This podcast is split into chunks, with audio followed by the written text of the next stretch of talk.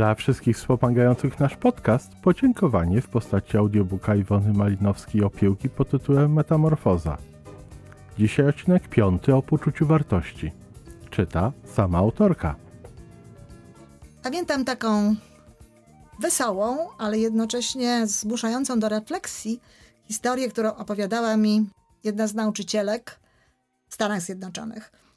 Opowiadała o małej dziewczynce, siedmioletniej, Mary, która narysowała na lekcji fioletowe drzewko. Dzieci miały narysować drzewko i drzewko Mary było fioletowe. Pani pochwaliła drzewko, no bo z reguły dzieci w tym wieku się chwali. Niemniej dodała, no piękne to drzewko, Mary, ale wiesz, ja nigdy nie widziałam fioletowego drzewka. I na to Mary spojrzała na panią z takim żalem i powiedziała, jaka szkoda. Poprosiła moją koleżankę, która pracuje w szkole podstawowej w klasach 1-3, żeby zobaczyła, jak zachowywałyby się nasze polskie dzieci.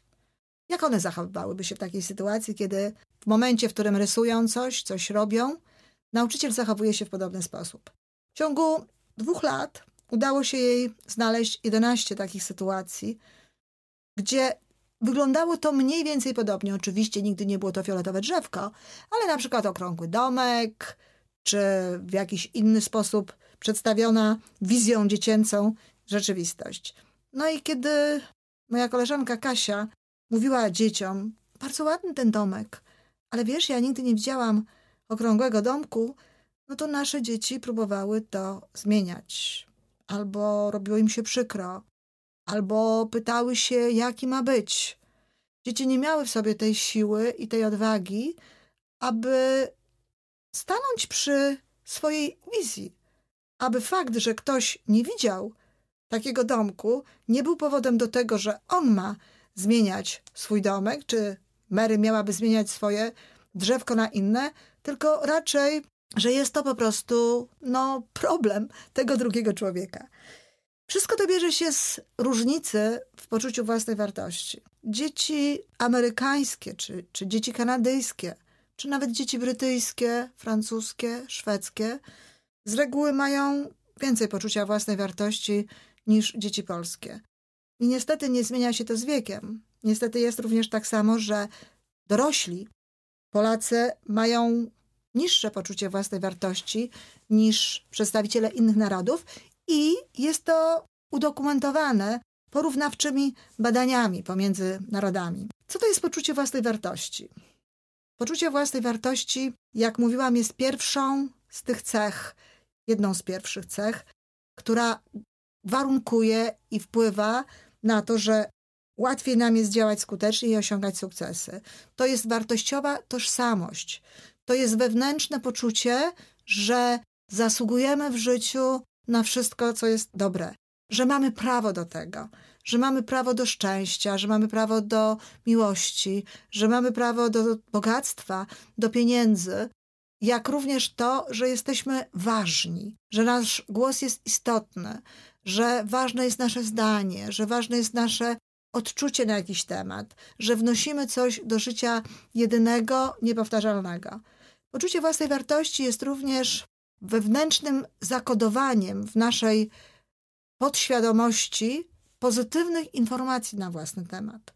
Ludzie, którzy mają poczucie własnej wartości, z jednej strony patrzą na siebie w kategoriach takiej właśnie niepowtarzalności i prawa do różnych rzeczy, ale z drugiej strony właśnie w ich podświadomości jest informacja, co potrafią, w czym są dobrzy, na czym się znają, jakie mają sukcesy w swoim życiu, jakie mają osiągnięcia.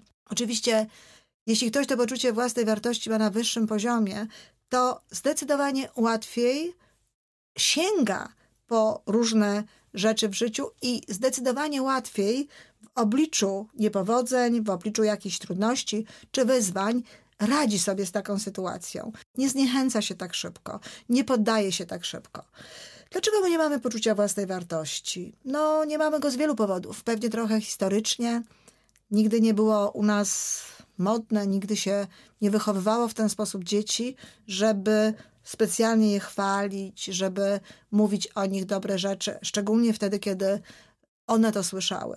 Raczej sposób wychowania u nas jest nastawiony bardziej na krytykę, na poprawianie. Działamy raczej bardziej w kategorii nie chwalić dnia przed zachodem słońca, niż w kategorii właśnie takiej, by dostrzegać każdą rzecz pozytywną, każdy element pozytywny, który możemy zaobserwować u dziecka.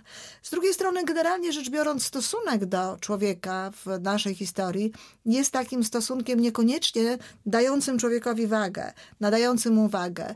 Byliśmy krajem walczącym, krajem, gdzie wciąż trzeba było swoje życie składać w ofierze za wolność, za wolność naszą, za wolność waszą.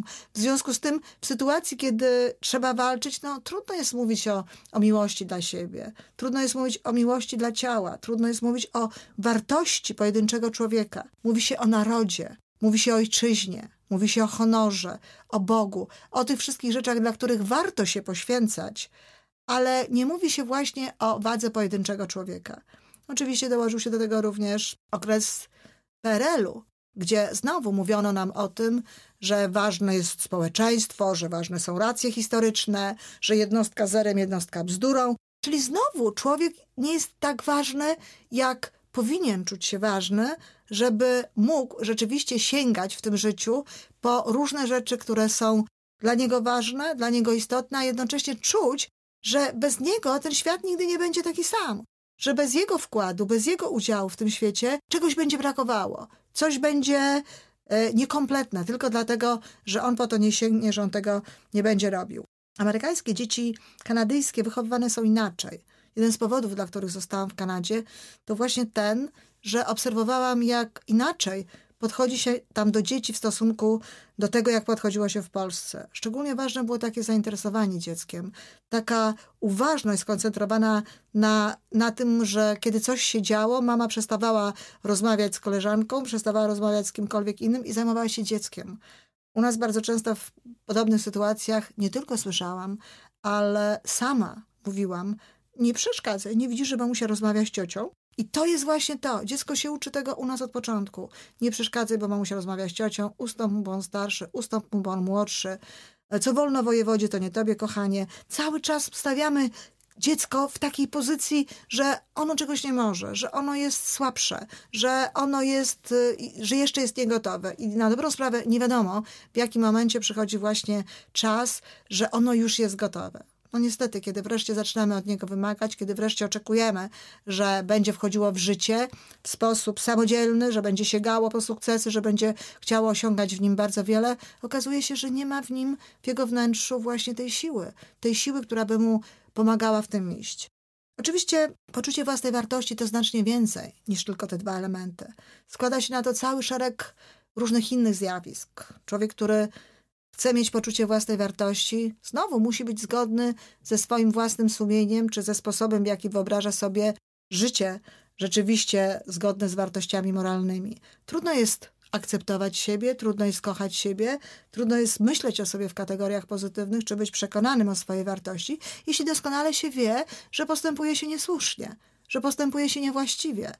Trudno również być rzeczywiście człowiekiem, który czuje swoją wartość, kiedy nie potrafimy tłumaczyć tej rzeczywistości, która nas otacza, w taki sposób, który mógłby nam służyć. Kiedy sami się oskarżamy, kiedy nie potrafimy popatrzeć na rzeczywistość w kategorii, no chociażby nauki, chociażby tego, że czegoś nauczyliśmy na podstawie takiego czy innego gorszego doświadczenia, takiej czy innej, no nawet porażki, ale nikt nas tego nie uczy.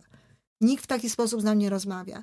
Ale tak jak powiedziałam w poprzednim wykładzie, to, że nikt nas tego nie uczył, to, że nikt od nas tego nie wymagał, nie znaczy, że w momencie, kiedy dochodzimy do wniosku, że czegoś nam brakuje, nie możemy zrobić tego sami. Nadmieniałam, że w czasach, kiedy mieszkałam w Kanadzie, pracowałam jako dozorca dużego domu, wysokiego bloku apartamentowego. Któregoś razu w pralni znalazłam książkę Discover Power Within You. Odkryj siłę w sobie. Miałam skończoną psychologię, znałam angielski na tyle przyzwoicie, że mogłam spokojnie pokusić się o jakąś inną pracę, a jednak cała szczęśliwa pracowałam jako superintendent, jako dozorca. Nie ma nic złego w pracy dozorcy, nie ma nic złego w pracy superintendenta. Wiele się nauczyłam I nawet w dużym stopniu polubiłam tę pracę, ponieważ znalazłam sobie właśnie takie obszary, w których mogłam się w jakiś sposób realizować, w jakiś sposób rozwijać. Ale umówmy się, to była praca nieadekwatna w stosunku do mojego wykształcenia, praca nieadekwatna w stosunku do tego, czego można byłoby oczekiwać od osoby, która tę psychologię skończyła. Tym bardziej, że moi kanadyjscy koledzy wykonywali zupełnie inną pracę. A jednak nie próbowałam sięgać po nic więcej. I właśnie kiedy przeczytałam tę książkę, zrozumiałam, czyli nastąpiło to zjawisko, o którym wcześniej mówiłam, to zjawisko przesunięcia paradygmatu postrzegania rzeczywistości. Nastąpiło to zjawisko aha, czy jakie nazywają Japończycy kaikaku, olśnienie.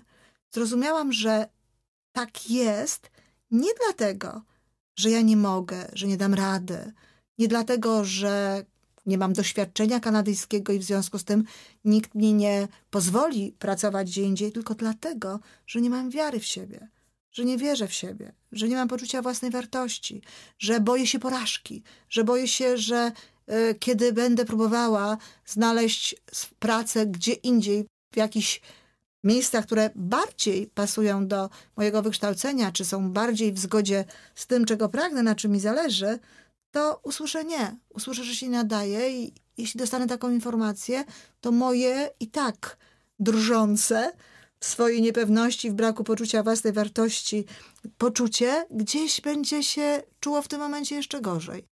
I oczywiście to było dla mnie niezwykle odkrywcze. Na szczęście pomyślałam jeszcze przy okazji, bo w tym kierunku w ogóle szła cała treść książki, że to, że nie mam tego poczucia własnej wartości, to nie znaczy, że ja go nie mogę mieć.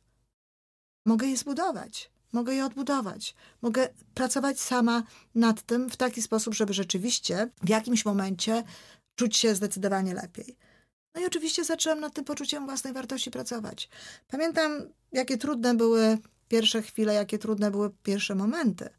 Dlatego, że co chwila przekonywałam się o tym i niestety utwierdzałam w przekonaniu, że to poczucie mojej własnej wartości jest absolutnie niewystarczające do tego, żebym mogła rzeczywiście w tamtym społeczeństwie wówczas, a proszę pamiętać, że dzisiaj dokładnie takie same społeczeństwo mamy w Polsce, dokładnie takie same zasady e, rynkowe czy zasady działania w społeczeństwie obowiązują, jak wtedy mnie w tej Kanadzie. Więc kiedy zrozumiałam, że nie mam tego, że utwierdzałam się w tym, że nie mam, było mi oczywiście bardzo smutno. Pamiętam jedno z ćwiczeń, gdzie miałam w ciągu pięciu minut napisać 50 pozytywnych informacji na własny temat. To było niezwykle przykre, kiedy po pięciu minutach, po sygnale z budzika, okazało się, że na mojej karcie jest tylko dziewięć cech. Nawet tych dziewięciu cech nie było mi łatwo znaleźć. Proszę zrobić takie ćwiczenie. Proszę spróbować przekonać się, ile pozytywnych informacji na własny temat jesteście Państwo w stanie napisać w ciągu pięciu minut. Można sobie nastawić minutnik. Proszę pisać skrótami, nie stawiać przy tym kolejnych cyfr, tylko pisać tak szybko, jak jesteśmy w stanie to zrobić. Policzymy po upływie tych pięciu minut. Jeśli jest ich mniej niż 25, to naprawdę nie jest dobrze. 25 to już jest jakiś punkt wyjścia. To jest już taka liczba, gdzie rzeczywiście można iść z tym dalej. Ale oczywiście, po to, żeby można było iść z tym dalej, trzeba te cechy uzupełnić, trzeba tę listę uzupełnić. Trzeba dopisać do niej brakujące cechy aż do 50. Jest to fantastyczne ćwiczenie, dlatego że przy okazji można się naprawdę dowiedzieć o sobie wiele nowych rzeczy. Kiedy człowiek się zastanawia, kiedy człowiek myśli nad sobą, kim jestem, co mam, co potrafię, z czego jestem dobry, w czym jestem dobry, co mnie wyróżnia w jakiś sposób pozytywny, a co mnie nie wyróżnia, ale też jest pozytywne, albo kiedy na przykład pyta inne osoby, powiedz mi, co jest we mnie dobrego, powiedz, co we mnie lubisz. I dowiaduje się o tym wszystkim, to naprawdę przeżywa bardzo miłe chwile i sam w jakimś momencie nadziwić się nie może, jak wiele jest pozytywnych informacji tak naprawdę e, w nim i w jego sposobie zachowania. I jak to się stało, że nie był w stanie w ciągu tych pięciu minut napisać ich aż tyle.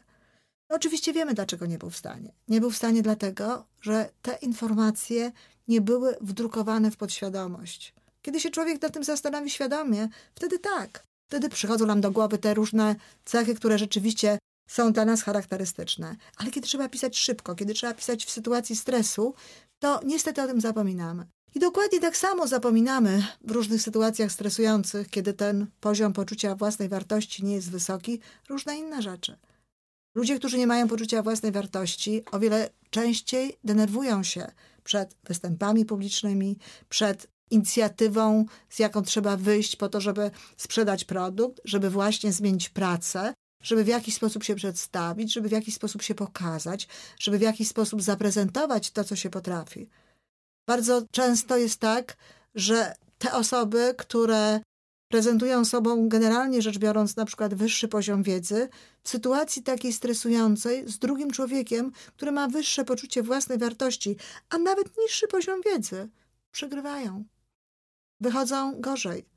Zdają egzaminu, czy są gorsi w różnego rodzaju testach. Dlatego tak ważną sprawą jest to, żeby o to poczucie własnej wartości zadbać. Oczywiście najlepiej jest wtedy, kiedy wychowujemy we właściwy sposób dzieci. Tu duża rola rodziców, ale również duża jest rola przedszkoli. Rodzice, warto chwalić dzieci. Warto łapać je na tym, kiedy robią coś dobrego. Warto chwalić je za każdą zrobioną przez nie rzecz i chwalić je konkretnie. Nie chodzi o to, żeby mówić dzieciom, że są najlepsze, najpiękniejsze, najwspanialsze i tak dalej. To nie są konkretne pochwały. Są to miłe słowa dla dzieci. Jeżeli to są tylko takie słowa, a nie idą za tym konkrety, wcale nie buduje się poczucie własnej wartości. Poczucie własnej wartości buduje się wtedy, kiedy dzieciom konkretnie nazywa się rzeczy, które one robią. I mówi się o tym, podoba mi się, w jaki sposób podchodzisz do swojej koleżanki, jak jesteś dla niej dobra. Kiedy mówimy na przykład, ładnie narysowałaś tego kotka, ma bardzo ładne wąsy albo bardzo ładny ogonek. O jak to miło, kiedy wchodzę do twojego pokoju i widzę, jak ładnie ułożyłaś zabawki. Jesteś bardzo grzeczną dziewczynką. Potrafisz dbać o swój porządek. To są rzeczy, które są konkretne, to są rzeczy, które mówią o tym, co dziecko potrafi zrobić dobrego. Oczywiście potem w miarę wzrastania dokładamy do tego nowe rzeczy. Ładnie udało ci się skręcić na przykład na nartach, czy dzisiaj wyjątkowo ładnie pływałaś w basenie. Wszystko to, co dzieci robią, trzeba nazywać w kategoriach faktów, w kategoriach pozytywnych. Potrafisz ładnie dobrać kolory, oczywiście jesteś ładną dziewczynką, masz ładne oczy i tak dalej. To są rzeczy, które warto, żeby dzieci wiedziały, bo one potem w kontekście właśnie różnych sytuacji powodują większą pewność siebie. Ale też warto jest, żeby dzieci wiedziały, że są ważne, że je słuchamy. Jedną z ważniejszych rzeczy jest to, żeby dzieci czuły się słuchane, żeby dzieci nie czuły, że przeszkadzają, że ktoś po to, by przez chwilę z nimi pobyć, wyraźnie z czegoś innego rezygnuje. Wyraźnie jest mu to nie na rękę, nie ma czasu, czy denerwuje się, czy irytuje się. To jest bardzo ważne, żeby dzieci nikt nie przeganiał z miejsca na miejsce, żeby czuły, że mają swoje miejsce. To jest bardzo ważne, żeby dzieci mogły mieć swoje zdanie, żeby miały prawo to zdanie wygłosić. My nie musimy zgadzać się z dziećmi. Dziecko nie musi swoim wygłoszonym zdaniem osiągnąć tego, co chciało osiągnąć, czyli konkretne nasze zachowania. Natomiast musi mieć prawo do tego, żeby mogło to zdanie wyrazić. Dziecko ma prawo nie chcieć czegoś, dziecko ma prawo do różnego rodzaju wyborów, które dla trzylatka, czterolatka, dziesięciolatka czy czternastolatka są uprawnione. Jeśli w ten sposób się dziecko traktuje, dziecko czuje, że jest istotne, że jest ważne, że liczą się z jego zdaniem w domu, że liczą się z jego zdaniem w szkole i potem będzie chciało robić różnego rodzaju rzeczy, no, kiedy ludzie robią, myśląc o tym, że liczą się z jego zdaniem w społeczeństwie. No a co, kiedy już wychowanie za nami? Kiedy już właściwie wiadomo, że nikt nas dobrze nie wychowa i że tylko teraz możemy wychować sami siebie? Przede wszystkim trzeba zadbać o włożenie sobie właśnie do podświadomości tej informacji, że jestem ważny, czy jestem ważna i że zasługuję na wszystko w życiu co najlepsze. Ja pamiętam, że dla mnie bardzo trudną rzeczą, kiedy uczyłam się poczucia własnej wartości, było to, żeby wyznać sobie miłość, jakkolwiek by to zabrzmiało. Ale ćwiczenie polegające na tym, że miałam spojrzeć w lustro, nawiązać ze sobą w tym lustrze głęboki kontakt wzrokowy i po prostu sobie powiedzieć: Iwonko, kocham cię i od dziś zrobię wszystko, żebyś była szczęśliwa, było naprawdę dużym wyzwaniem. Myślałam, że to tylko ja tak mam.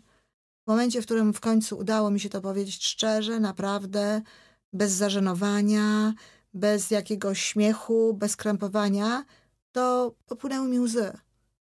Może nie rozszlochałam się tak jak później w moim gabinecie. Czasami rozszlochywały się niektóre kobiety, ale popłynęły mi łzy. To był tak jakby taki powrót do domu, powrót do siebie, takie zaakceptowanie siebie, takie wewnętrzne przytulenie siebie z tym, z tym wszystkim, czym jestem, z tym wszystkim, co mam.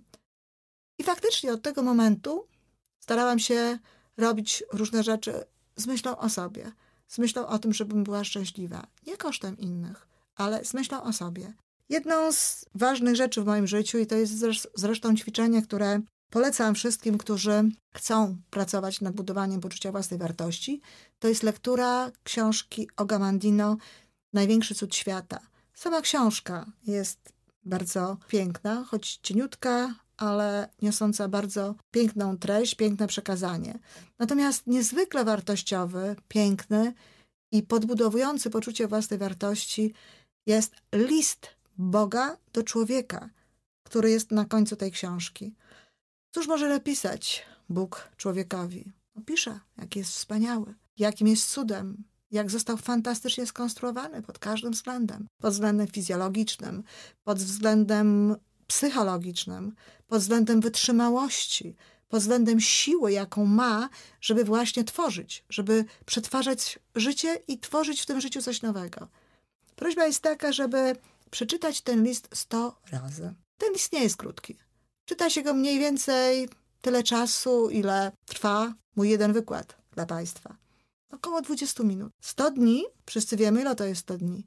Raptem niecała jedna trzecia roku. W związku z tym, czym tak naprawdę jest poświęcenie 20 minut dziennie na to, żeby przeczytać dobre słowa, dobre zdania na własny temat. Niczym wielkim, a efekt jest nieprawdopodobny. Ja pamiętam, jak spektakularnie wręcz poczułam różnicę pomiędzy swoim sposobem myślenia i swoim sposobem zachowania przed przeczytaniem tego listu w stosunku do tego, jak czułam się, kiedy rzeczywiście minęło nawet nie 100 dni, ale 70 czy 80. Oczywiście przeczytałam 100 razy ten list. I muszę powiedzieć, że na mojej drodze życiowej spotkałam wiele ludzi, którzy przeczytali tę książkę. Gamantino czyta się bardzo sympatycznie. Natomiast spotkałam bardzo niewielu ludzi, którzy przeczytali 100 razy ten list. Ludzi, którzy wykonali swoje ćwiczenie. No właśnie, trzeba było wyjść ze strefy komfortu. Posłuchać czegoś, przeczytać książkę? Tak. Ale dalej to już byśmy chcieli, żeby to się zadziało samo. To się nie zadzieje samo. Trzeba włożyć pewien wysiłek. To nie jest wielka praca, ale jest to z pewnością wyjście ze strefy komfortu. Wyjście, które się bardzo opłaca. Czyli wyznajemy sobie miłość. Czytamy sto razy list Boga do człowieka Ogamantino. Czytamy pozytywne informacje na własny temat, które stworzyliśmy na liście. Tych informacji może być 50, ale oczywiście może ich być więcej. Kiedy człowiek czyta systematycznie również te informacje, one wchodzą do jego podświadomości i zagnieżdżają się tam, stają się jak gdyby treścią tego człowieka, jego przekonaniem. One są prawdziwe. Pisujemy tylko te rzeczy, które rzeczywiście są prawdziwe. Nie wywyższamy się, nie porównujemy się w stosunku do innych, tylko piszemy to, co mamy dobrego. Nie wiem, znam dobrze niemiecki. Szybko piszę na maszynie. Mam ładny charakter pisma, świetnie smażę ryby, jestem inteligentna, ładnie śpiewam, cokolwiek. Potrafię układać kwiaty, dobrze dobieram kolory, Mnóstwo jest cech, z których możemy się cieszyć i które możemy uwzględnić na takiej liście. A potem, kiedy je czytamy, to wszystko jest w nas. I kiedy człowiek idzie po to, żeby postarać się o nową pracę, idzie na spotkanie o tę pracę, czy nawiązuje kontakt z kimś innym, to cała jego podświadomość pracuje wtedy dla niego. Cała jego podświadomość mówi mu: dasz radę, dasz radę, bo przecież jesteś taki, taki, taki, taki. Oczywiście nie mówi tego dosłownie, ale tworzy nastrój. Nastrój, który sprzyja działaniu. Nastrój, który dodaje skrzydeł. Co jeszcze można zrobić, żeby budować poczucie własnej wartości? Może co, czego nie należy robić? Nie należy mówić o sobie źle. Nie należy nazywać siebie różnego rodzaju słowami, różnego rodzaju wyrazami, które nie chcielibyśmy, żeby były prawdziwe. Nie ma sensu mówić o sobie, że się jest na przykład leniwym. Bo wiadomo, że często powtarzane takie słowo na zasadzie dokładnie takiej samej, jak te słowa pozytywne, jak te dobre słowa, które o sobie mówimy, zagnieżdża się gdzieś w tej podświadomości i właśnie buduje nam nastrój negatywny. I może rzeczywiście powoduje, że trudniej nam się zabrać czasami do jakiejś pracy, no bo cóż, skoro mamy takie przekonanie o sobie.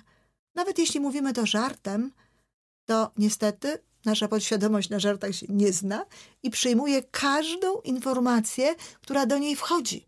W związku z tym uwaga, uwaga, co o sobie mówimy. I uwaga również, co mówią o nas inni. Wcale nie musimy wysłuchiwać różnych negatywnych określeń w wykonaniu innych ludzi na własny temat. Nie mamy żadnego obowiązku wysłuchiwania nadmiernej krytyki. Możemy od tego odejść.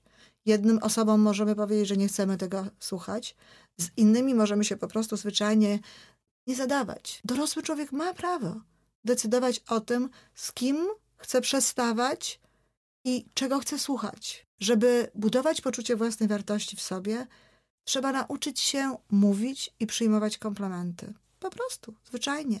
Mówić ludziom dobre rzeczy, patrzeć na nich, przyglądać się im w taki sposób, żeby można było powiedzieć coś dobrego o ich zachowaniu, o wyglądzie, o wyborach, jakich dokonują. Z jednej strony robimy przyjemność ludziom, przesyłamy im pozytywną informację, być może wpływamy w jakiś sposób na to, żeby i u nich budowało się to poczucie własnej wartości, ale z drugiej strony uczymy się w ogóle patrzeć w taki sposób na ludzi. Uczymy się patrzeć na ludzi przez pryzmat ich dobrych rzeczy, uczymy się wyłapywać w nich dobre rzeczy. Mało tego, kiedy mówi się ludziom rzeczy dobre, często jest tak, że oni potem mówią te dobre rzeczy nam. I wtedy nasza podświadomość znowu karmi się jakimiś dobrymi słowami. Słowami takimi, które chcielibyśmy, żeby rzeczywiście jak najwięcej tych słów się w nas zagnieździło. W żadnym wypadku nie można dyskutować z ludźmi, którzy mówią nam komplementy. Ileż to razy zdarza się, że ktoś komuś powie coś miłego, pochwali, a ta osoba natychmiast dyskredytuje to, co zrobiła, czy siebie. Mówimy na przykład, ładną masz sukienkę, a gdzie tam taka stara? Mówimy, ładnie urządziłaś mieszkanie, a gdzie tam tak, tylko, prawda, trochę ogarnęłam, czy tam wypośrodkowałam pomiędzy tym, co bym chciała, a tym, co bym mogła. Mówimy, piękny obraz namalowałaś, nigdzie tam nie udało mi się, ktoś inny to dopiero maluje. I to jest właśnie to, co bardzo często, nie wiem, czasami pewnie na zasadzie takiej czysto kurtuazyjnej, a czasami może na takiej, że czekamy na więcej pochwał, ale nasza podświadomość się programuje. I nawet tego komplementu, który powiedział nam inny człowiek, nie przyjmuje tak, jak mogłaby przyjąć i dać nam prawdziwą, prawdziwą siłę, siłę przyjemności. I jeszcze jedna ważna rzecz. Kiedy ktoś nam za coś dziękuje, kiedy ktoś jest nam za coś wdzięczny, nie mówmy, nie ma za co. Cieszmy się z tego, że ktoś nam dziękuje, cieszmy się z tego, że zrobiliśmy coś dobrego dla innej osoby, cieszmy się z tego, że mamy jakiś wkład pozytywny, choćby i najmniejszy, w życie drugiego człowieka czy w życie społeczeństwa.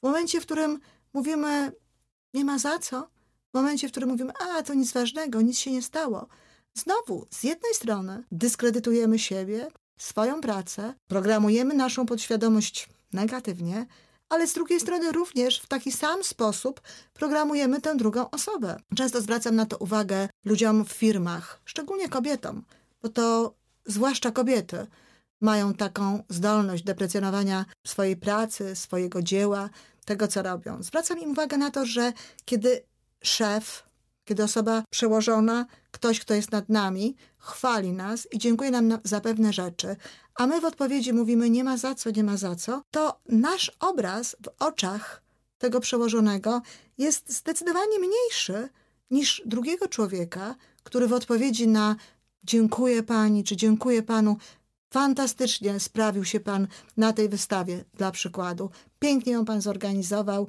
i pięknie dopilnował, żeby wszystko działało jak trzeba. Ktoś odpowie: Starałem się, szefie. Bardzo się cieszę, że mogłem się do czegoś przydać. Kogo zauważy potem taki szef?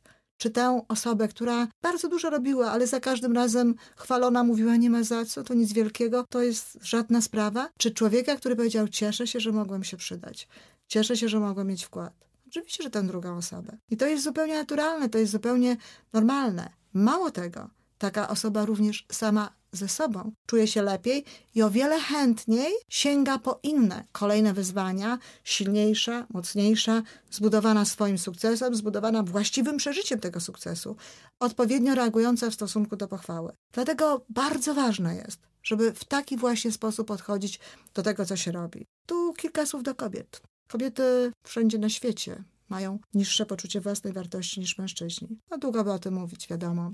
Historia, zresztą nie tylko historia, kultura, wszystko to, co się z tym łączy. Ale w związku z tym kobiety tym bardziej warto, żeby zwróciły uwagę na odbudowanie tego poczucia własnej wartości. Czyli reasumując, szczególnie kobiety powinny wyznać sobie miłość i powiedzieć, że od dziś będą robiły dla siebie wszystko, żeby być szczęśliwą, to szczególnie kobiety powinny dawać sobie prawo do szczęścia, do miłości, do wszystkiego, co jest dobre, robić tego typu afirmacje.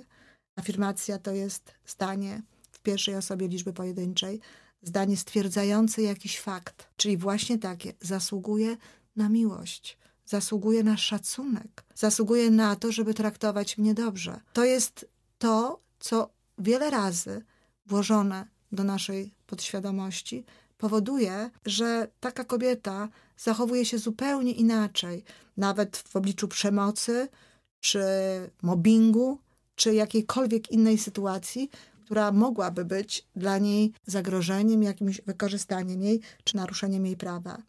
Kobiety mają sufity szklane w swojej podświadomości. Tak wiele się mówi o tym, że kobietom jest trudniej awansować, że kobietom jest trudniej zdobywać wysokie stanowiska. To nie dlatego, że ktokolwiek nas dyskryminuje. Ta dyskryminacja jest w nas. Nie mamy poczucia własnej wartości, nie mamy odwagi sięgania po więcej. Jeśli będziemy się utwierdzać w tej wartości i w ten sam sposób wychowywać dzieci, w podobny sposób również traktować mężczyzn, z którymi jesteśmy razem, wtedy z całą pewnością będziemy miały więcej i my same tego poczucia własnej wartości po więcej będziemy sięgać, a z pewnością również ludzie, którzy będą w naszym otoczeniu, będą się czuli lepiej. Bo właśnie, niektórzy myślą, że ludzie z poczuciem własnej wartości to egoiści, że ludzie z poczuciem własnej wartości to osoby zarozumiałe. Nic bardziej nieprawdziwego. Ludzie z poczuciem własnej wartości to nie są egoiści, to są ludzie, którzy szanują innych ludzi, bo tylko wtedy można tak naprawdę szanować drugiego człowieka, jeżeli szanuje się siebie. Ludzie, którzy kochają siebie i są dla siebie dobrzy, wcale nie są egoistami, wcale nie muszą być w centrum zainteresowania, ponieważ ich świadomość i dobre samopoczucie na własny temat jest wystarczająco dobre i wysokie, żeby nie musieli bez przerwy koncentrować na sobie uwagi, czy dopominać się od całego świata, żeby o nich dbał, żeby się o nich starał, żeby ich bardzo dobrze traktował. Ludzie, którzy mają poczucie własnej wartości, są łatwiejsi we współżyciu. Można im wiele powiedzieć, nie będą się tak szybko obrażać, nie będą tak koniecznie dążyć do tego, żeby akurat ich racje były najważniejsze wtedy, kiedy nie ma takiej potrzeby. Ludzie, którzy mają poczucie własnej wartości, chwalą innych, dzielą się z nimi sukcesami, pomagają im w osiągnięciu sukcesów, ponieważ to w żaden sposób nie zagraża im samym. Wreszcie ludzie, którzy się kochają, niechętnie walczą. Niechętnie walczą również fizycznie. Tak sobie myślę, że gdybyśmy wszyscy na świecie rzeczywiście raptem na 3-4 i już mieli większe poczucie własnej wartości, to pewnie i wojen by nie było. Bo któż kto kocha siebie, kto kocha swoje ciało, kto kocha życie i kto czuje, jak wiele jeszcze wspaniałych dni może mieć przed sobą, będzie chciał walczyć. To był rozdział piąty. W następnym odcinku Iwana będzie nam mówiła o proaktywności. Dziękujemy i zapraszamy.